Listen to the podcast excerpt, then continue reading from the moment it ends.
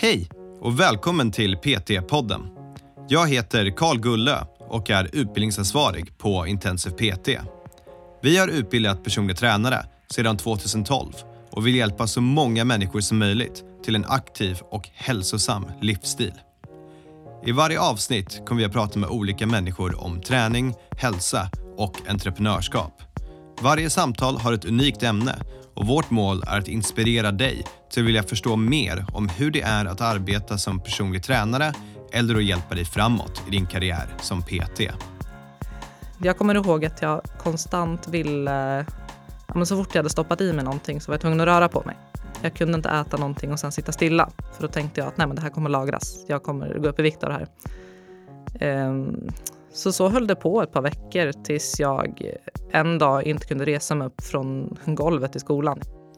Damer och herrar, idag har vi med oss en riktig hjälte. Ellen Nielsen, föreläsare på Intensiv kost och Intensiv PT, berättar om sin kamp med sin ätstörning. Det här är ett tvådelsavsnitt där i första avsnittet som ni får lyssna på nu så får ni höra hennes historia.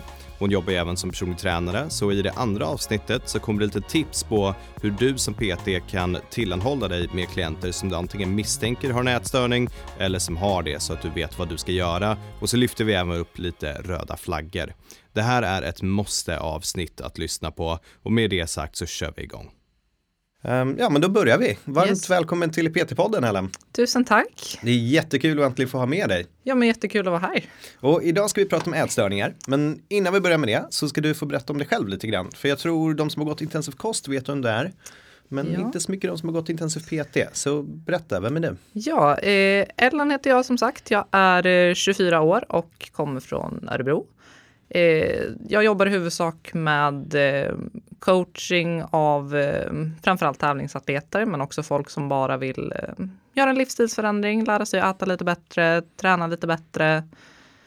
Eh, sen så föreläser jag även för eh, intensiv kost och leder lite projekt, sköter supportärenden ehm, och har nu även fått möjlighet att föreläsa lite för intensiv PT. Precis, så det kommer vara en föreläsning kostrådgivning i praktiken som vissa elever kommer ha hört och vissa kommer få höra då när, nu när den kommer. Mm. Så jätte, jätteroligt. Du, du sa att du jobbar med tävlingsatleter. Vad mm. för tävling? Eh, det är ju inom fitnessbranschen. Mm. Så det är sådana som vill satsa på bikinifitness, bodyfitness, mensfysik, eh, bodybuilding, alla de grenarna ja. som eh, folk säkert känner igen men kanske inte vet så mycket vad det handlar om. Nej, precis. Man har ju sett halvnakna människor på scen, men man har kanske inte förstått hur folk har tagit sig dit och vilken resa det är. Liksom. Nej, men precis. Vi, det, det är vi, mer än bara den där glamouren. Ja, precis. Vi, vi, pratade lite om det innan här när jag sa att just den där världen är den jag kan ingenting om. Jag kan mycket om crossfit-världen och träningsvärlden och funktionell träning och sådana grejer. Men när det gäller just den biten rent teoretiskt, men praktiskt har jag ingen aning. Så det där ska vi göra ett avsnitt om där vi alla ska få lära sig. Men idag så ska det istället handla om ätstörningar. För jag yes. tror ändå man kan se lite ätstörningar i den branschen, eller? Ja, jag tror att det ligger nära till hands eh, i många fall. Mm. Det är ju en bransch där det krävs en ganska extrem koll på exakt energiintag, eh, exakt vilken träning du gör, eh, när du äter din mat, när du tränar, hur du sover. Alltså det, är så, det är så många faktorer som man måste hålla så pass mycket stenkoll på. Mm. Och de kan bli ganska svåra att släppa när man väl har tävlat klart. Mm. Eh, och kan sätta sina spår hos många. Mm. Så då har man i tävlingsvärlden där kan det vara en stor del. Men det kan även vara ätstörningar ett problem i den vanliga världen också. Och framförallt för unga människor kan jag tänka mig. Uh, vad, vad, vet vi om ätstörningar? Det finns lite olika typer. Vad, vad är vanligast? Vad har du sett mest av? Alltså vanligast tror jag är, man hör ju mycket om anorexi, mm. eh, enkelt förklarat självsvält. Mm. Eh, bulimi, inte helt ovanligt det heller, det är också en av de vanligaste. Mm. Eh, det innebär alltså att man eh, kompenserar för den maten man ätit på något vis. Mm. Eh, man kan använda laxeringsmedel, man kräks upp maten eller utsätter sig själv för extrem träning liksom tills man, vad man då säger, har förbränt all den här maten som man har ätit. Mm.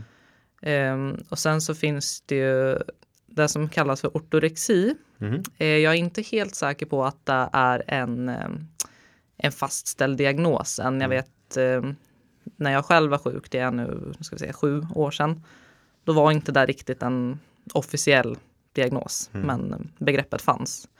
Och det innebär alltså att man är hälsosam på ett överdrivet sätt, Mm. skulle man kunna säga. Att man har en extrem koll på varenda liten kalori och allting måste vara liksom hälsosamt och man måste ha sina träningsrutiner på ett visst sätt. Och så fort den här kontrollen tas ifrån en så skapar det ganska mycket ångest, eh, lite panikkänsla nästan. För att man, man inte riktigt har kontroll. Den där sistnämnda känner jag verkligen igen i liksom det umgänget där jag har varit de senaste tio åren i träningen. Där har vi haft så många människor som allting måste rinna på helt perfekt och proteinpulver direkt efter träningen och om de inte får det då börjar man nästan kallsvettas liksom. Ja men precis. Okej, vad, vad är svårast att hantera tycker du? Alltså jag tror eh, grejen med ätstörningar är ju att det, det är en sjukdom som inte alltid syns utåt. Det är en sjukdom som sitter i huvudet. Ehm, och just när det kommer till psykiska besvär så är det någonting som är fruktansvärt svårt att bli av med eller hantera.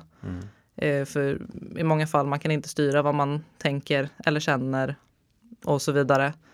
Så att just när man är drabbad av en ätstörning eller har någon i sin närhet som är drabbad av en ätstörning så det blir väldigt mycket att man slåss mot huvudet.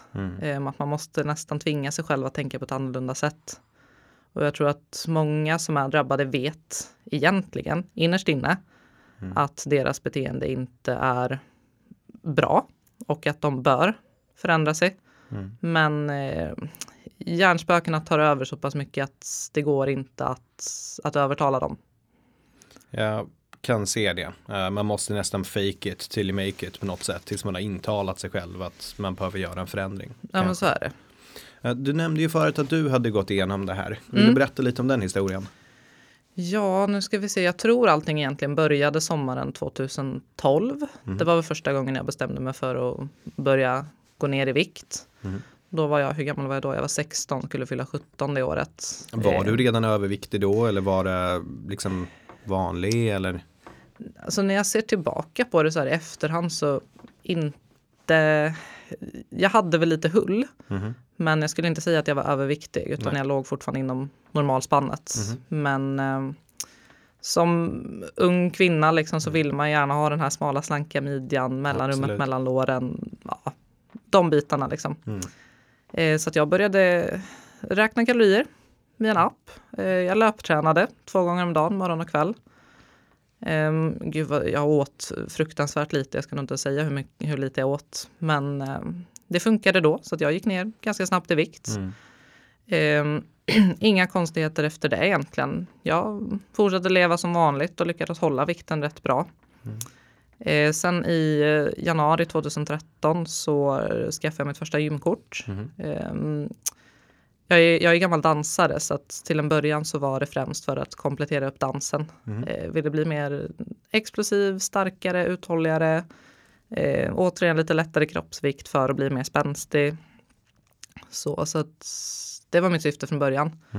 Sen hade jag väl en liten inre önskan om att få de här urkarvade magrutorna och smala benen och allt vad det var. Och sen därifrån så gick det egentligen väldigt fort. Eh, Det var i januari som sagt jag skaffade gymkortet och jag, jag var tränare. Jag tror jag tränade tre gånger om dagen. Eh. För jag dansade på gymnasiet då också. Oj. Så att då var det ju träning på morgonen innan skolan. Eh, Sen åkte man till skolan så var det ett eller två danspass under dagen. Och sen så åkte jag iväg och antingen gymmade eller dansade på kvällen. Ibland gjorde jag både och, ibland gymmade jag och sen dansade jag och sen åkte jag hem. Ehm, Så det var... Jag kommer ihåg att jag konstant ville... Ja, men så fort jag hade stoppat i mig någonting så var jag tvungen att röra på mig. Jag kunde inte äta någonting och sen sitta stilla. För då tänkte jag att nej, men det här kommer lagras. Jag kommer gå upp i vikt av det här. Ehm, så så höll det på ett par veckor tills jag en dag inte kunde resa mig upp från golvet i skolan. Jag hade, så här, jag hade mitt skåp eh, längst ner. Och jag satt där och kom i princip inte upp. Det var liksom som att benen egentligen inte, de ville inte. Det låter helt sjukt. Och dina vänner under tiden, hade de reagerat på det här? Ja, alltså jag tror att de visste om det. Jag kommer inte riktigt ihåg, men jag vet att vi var fler tjejer i min krets som drabbades på samma sätt. Ja. Så att alla var så, jag kommer ihåg det blev nästan en liten tävling mellan oss. Vem som åt Oj. minst, vem som åt, liksom, som tränade mest, vem som gick ner mest i vikt. eh, Vem som lyckades forma sin kropp bäst. Det var inte bra supportnät i sådana fall liksom. Nej, det var ju inte det eh, alls. Och eh, min familj, de, de visste ju knappt vad det var, det här Nej. med ätstörningar. De, eh, det är klart jag hade deras stöd och de var med mig på, till ätstörningsenheten och sådär, så det var inte så. Men de visste ingenting om själva sjukdomen. Nej.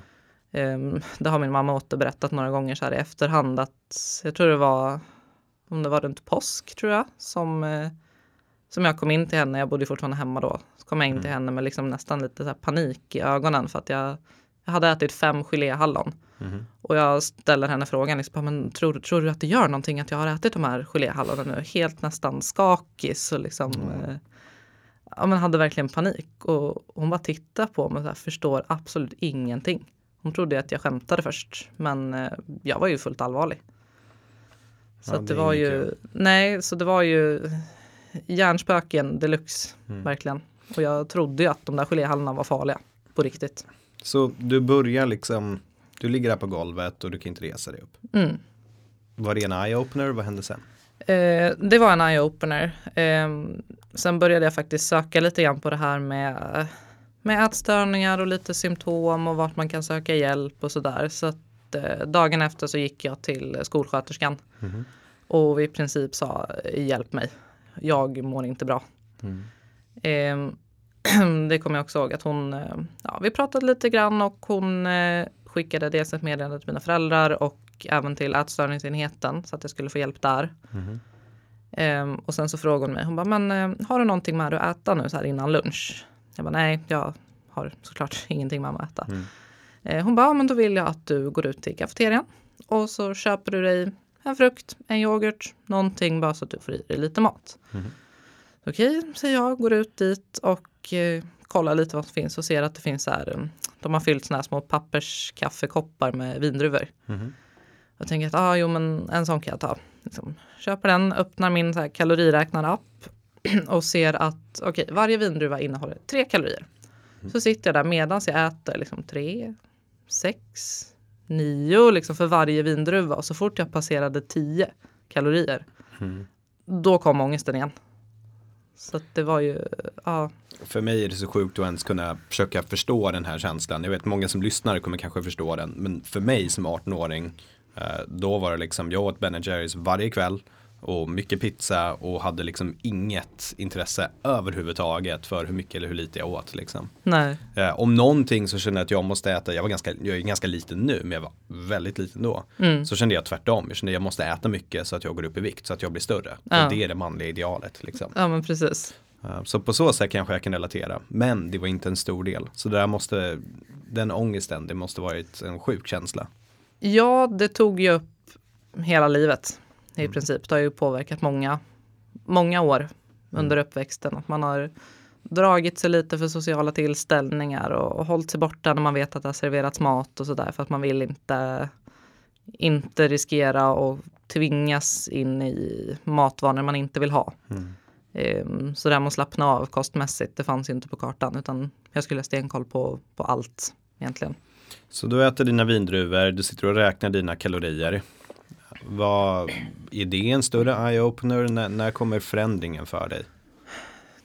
Jag tror, alltså det tog nog några år innan den riktiga förändringen kom. Ehm, men första steget efter det, det var ju möte hos ätstörningsenheten Mhm. i Örebro. Och jag, jag minns inte jättemycket av de mötena. Eh, jag minns bara att vi hade mycket samtal liksom, och jag fick berätta om min syn på mat och träning och mig själv. Och de fick förklara att ja, men, om du gör så så leder det till det här och tänk på det här. Och många bara samtal där de egentligen försökte prata lite vett i mig. Det var mer informativt då kanske än något att du skulle förändra ett beteende eller? Ja, och sen är jag för mig, jag fick med mig lite uppgifter för varje gång ehm, som var matrelaterade. Jag kommer inte ihåg vad de uppgifterna var nu. Mm. Ehm, Men de här mötena, jag gick ju i ett år ungefär, ganska regelbundet. Och tycker väl eh, att under den tiden så kändes det ändå bra. Jag kände liksom, ja men fasen nu, jag vågar mig på att käka lite mer utom min kontroll så att säga. Jag har dragit ner lite på träningen. Kroppen känns liksom okej. Okay. Jag var ju fortfarande fast i det att jag inte riktigt var nöjd med hur jag såg ut. Mm. Men jag försökte att liksom sätta det åt sidan. Och sen eh, tror jag, jo, sen gick det ut för igen när jag var klar där. Mm. För då blev det som att yes, nu är det ingen som har koll på mig längre. Nu kan mm. jag göra precis vad jag vill. Eh, och sen började det igen. Det var ungefär ett år, efter ett år på ätstörningsenheten. Så 2014 var det början där någonstans. Och jag kan egentligen inte minnas mer än att jag försökte äta så lite som bara möjligt och jag blev väldigt, väldigt smal. Mm eh, vägde väl inte jättelite kanske. Jag är 1,83 lång och vägde väl då runt 63. Mm. Och var redan då ganska muskulös för träningen hade jag ju mm. fortsatt med. Så att, och i och med att jag var rätt muskulös så såg jag inte speciellt sjuk ut heller. Jag såg mest vältränad ut. Mm. Och jag tror att det var därför ja, men folk i ens omgivning verkade kanske inte ta det på världens största allvar. För att jag, jag såg inte sjuk ut. Jag mm. såg frisk och sund ut egentligen mm. i deras ögon. Så det, det är ju en, vad ska man säga, en nackdel med den här sjukdomen att den inte syns. Att... Ja, jag, jag, vet att det, det, här jag pratat med Maria om och det här är ju väldigt dumt uh, ungt sätt att tänka på det. Men jag vet att när, när jag var den åldern och man kanske gick gymnasiet då och, och, man kanske fick höra om någon var liksom, ja ah, men tjejerna har ätstörning eller whatever. Det, det kan vara någonting sånt nu talar jag i och för sig bara utifrån min, min erfarenhet så det är säkert annorlunda på andra ställen. Men mig och mina killkompisar, vi skrattade ju. Ja. Vi vill liksom bara, men vad fan. För en kille att vara vältränad, eller för en kille att vara snygg så måste vi vara vältränade, måste gå till gymmet varje dag. Eh, vi måste äta perfekt kosthållning för att bygga muskler som tjej. Ät lite mindre. Ja. Det är inte så svårt liksom. Så det fanns ingen support där från vår sida. Nej. Som tur är har jag lärt mig bättre sedan dess. Och det är jobbigt att erkänna att man tänkte så. Men ja om någon kan relatera till den tanken så kanske de nu kan se att ja, men, man kanske ska bygga vidare lite på det. Ja men precis, jag tror inte att det är en helt ovanlig uppfattning faktiskt. Ehm, jag kan nog säga själv att jag var lite av den uppfattningen innan också. Mm. Um, att, och jag hade lite svårt att förstå, liksom, bara, fasen, hur kan folk hamna i ätstörningar? Liksom, ja. vad, är det för, vad är det för trams? Ja. Sen tar det ett par år och sen står man där själv och fundera på vad som hände egentligen. Men jag tror det, det är väl liksom, det är ett beroende och nu är det beroende för att inte äta. Men det är ju ändå mm. någonting som om man inbillar sig att man har något som sitter och hackar på en i huvudet hela tiden ja. och följer hela ens vardag. Ja. Oavsett om det är OCD eller om man är koffeinberoende eller vad det nu ska vara. Mm. Det är ingen kul känsla. Nej. Särskilt inte under de unga åren. Verkligen inte. Och sen just, jag, jag fick ju en kick av att ställa mig på vågen och se att det gick neråt. Mm. Det var en fruktansvärt härlig känsla. Hur ofta ställer du dig på vågen? Det kan nog vara varje, varannan dag, i alla mm. fall flera gånger i veckan. Ja. Var det. Och varje gång så hade det gått lite neråt, lite neråt. Hade det inte gjort det, ja, men då käkade jag mindre den dagen och så hade det gått ner till nästa dag. Mm. Um, så att det styrde ju det styrde ju mitt liv egentligen, vad jag, jag vägde. Jag, jag tänker, du hade ju ingen utbildning inom träning eller hälsa vid den tiden. Det var ju bara vad du själv tyckte. Mm. Fanns det liksom ett idealvikt? Jämförde du det med andra tjejer som kanske var 1,50 lång då? Jag gjorde nog det. Um, jag hade väl en inbildning att optimalt för mig att väga runt 60 kilo. Mm. Um, och som sagt, jag är väldigt lång.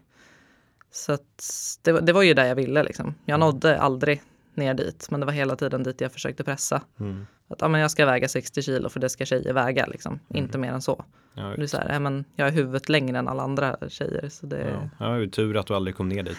Ja, jag tror inte det hade blivit jätte... Jag tror inte min kropp hade uppskattat det. Mm. Okej, okay, så du fortsätter liksom gå i allt det här. Jag, jag, måste höra the flip side of the story för att nu är ju du bättre eller du, du ja. jobbar ju liksom med att hjälpa andra människor. Så jag antar att i den här historien så kommer det finnas en vändpunkt någonstans. Det gör det. Um, och jag tror att den kom ganska långsamt. Um, och den kom egentligen tack vare att jag började tävla i fitness, mm. skulle jag vilja säga.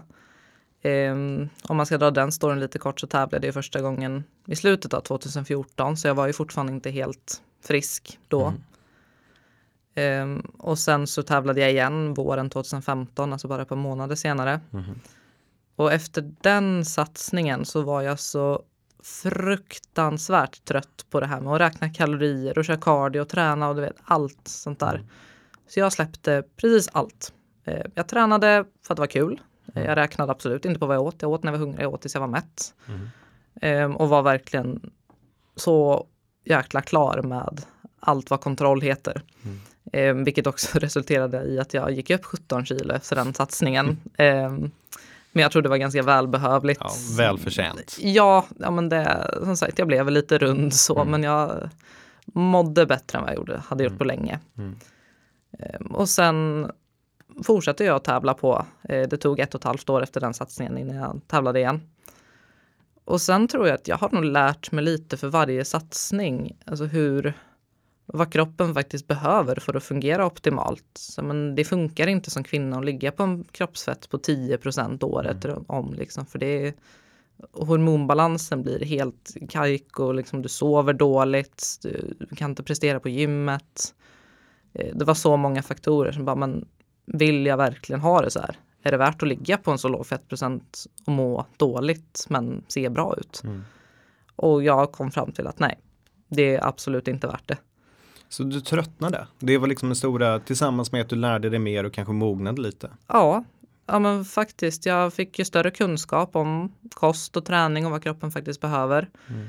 Eh, jättetrött på den här konstanta kontrollen och att inte kunna ja, men så här, ta sig iväg någonstans för en dag. Mm. Eh, inte ens det hade jag kunnat göra tidigare utan att behöva släppa med matlådor eller liksom någonting. Mm. Så, så jag var bara så enormt trött på den konstanta kontrollen jag hade haft i så många år. Mm. Eh, så jag har väl som sagt, successivt efter varje tävlingssatsning blivit lite, lite bättre på att slappna av skulle jag säga. Mm. Och våga gå upp i vikt. Så för att jag vet att men, Fasen, jag närmar mig en, en ålder där jag förmodligen kommer ha barn inom ett par år. Ska jag hålla mm. på och bråka med min hormonbalans mm. nu och kanske förstöra den chansen? Mm. Nej, det vill jag inte göra. Så att jag tror att ja, men det är nog en mognadsfråga och en fråga om att jag tröttnade. Mm. Det, det, är intressant för det kom också i samband med din tävling då och att mm. du lärde dig mer.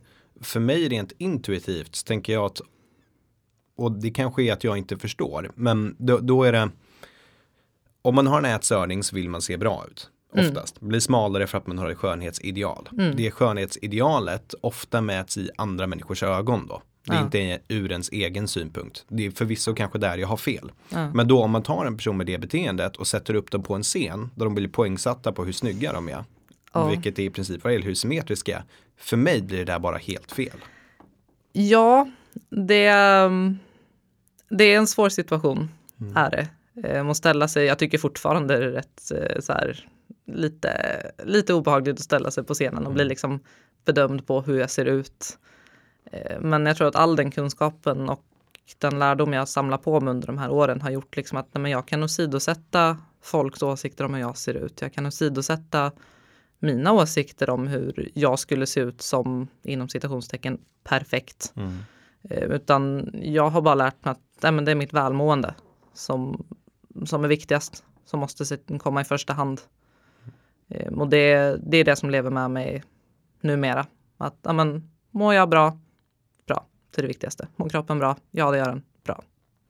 Nu, nu kan jag ju lite om den här världen, men jag skulle kunna tänka mig att man kan nästan dela upp den i två, men, två personer, de som står på scen. Mm. Antingen de som vill bli betygsatta av andra människor för att få det bekräftelsen. Mm. Och där kanske det är lite större röda flaggor för bakomliggande besvär. Mm. Och sen de som kanske då lyckas bygga upp det som du gjorde i dig själv, ett inre självförtroende. Uh, som handlar framförallt om att man vill visa av hur stolt man är och hur självsäker man är och hur bra man mår över sig själv. Att det mm. kommer inifrån istället för utifrån. Och där kanske det finns lite mindre röda flaggor hos den personen för de har ju bearbetat där och hittat en inre styrka. Tror du jag kan ha rätt i det eller sitter jag bara och pratar total skit just nu? Jag tror definitivt du kan ha rätt i det. Eh, jag tror att den här sporten, den har ju, den har ju växt så fruktansvärt mycket. Mm. Och det är många unga tjejer och killar för den delen som ger sig in i den utan att riktigt veta vad som ligger bakom. För att det, alltså det de i yttre världen ser, det är ju det som syns på scenen. Mm. Och det ser jätteglittrigt och glamourigt ut och man får skitsnygga bilder till Instagram och det liksom hejar upp från alla håll och man får otroligt mycket uppmärksamhet mm. när man gör en satsning. Och jag tror många lockas av det. Och eh, när de då sätts på de här extrema mm, kostschemana och stenhård träning och känner verkligen hur dåligt man mår. Eh, och sen då ska försöka ta sig ur det beteendet. Så där har vi en kategori som kanske får lite problem efter de har satsat. Mm. Ehm, jag skulle säga jag kanske är en av få som faktiskt har tyckt att den här sporten har botat problemen. Mm. Och sen så såklart den kategorin som ja, men de, de har bra självförtroende, de har bra självkänsla, de vet vad det innebär att tävla. Eh, de låter inte andras åsikter spela någon större roll. Så här, okej, domarna tyckte inte om den här gången. Nej, då jobbar vi vidare och sen kommer vi tillbaka längre fram. Mm. Så, så det, det, finns lite olika läger av atleter, det gör det.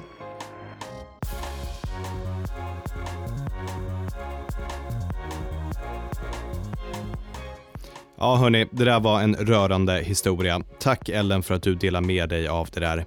Jag vet att för mig så var det i alla fall en stor ögonöppnare till att förstå hur det kan vara för en person som får gå igenom den kampen.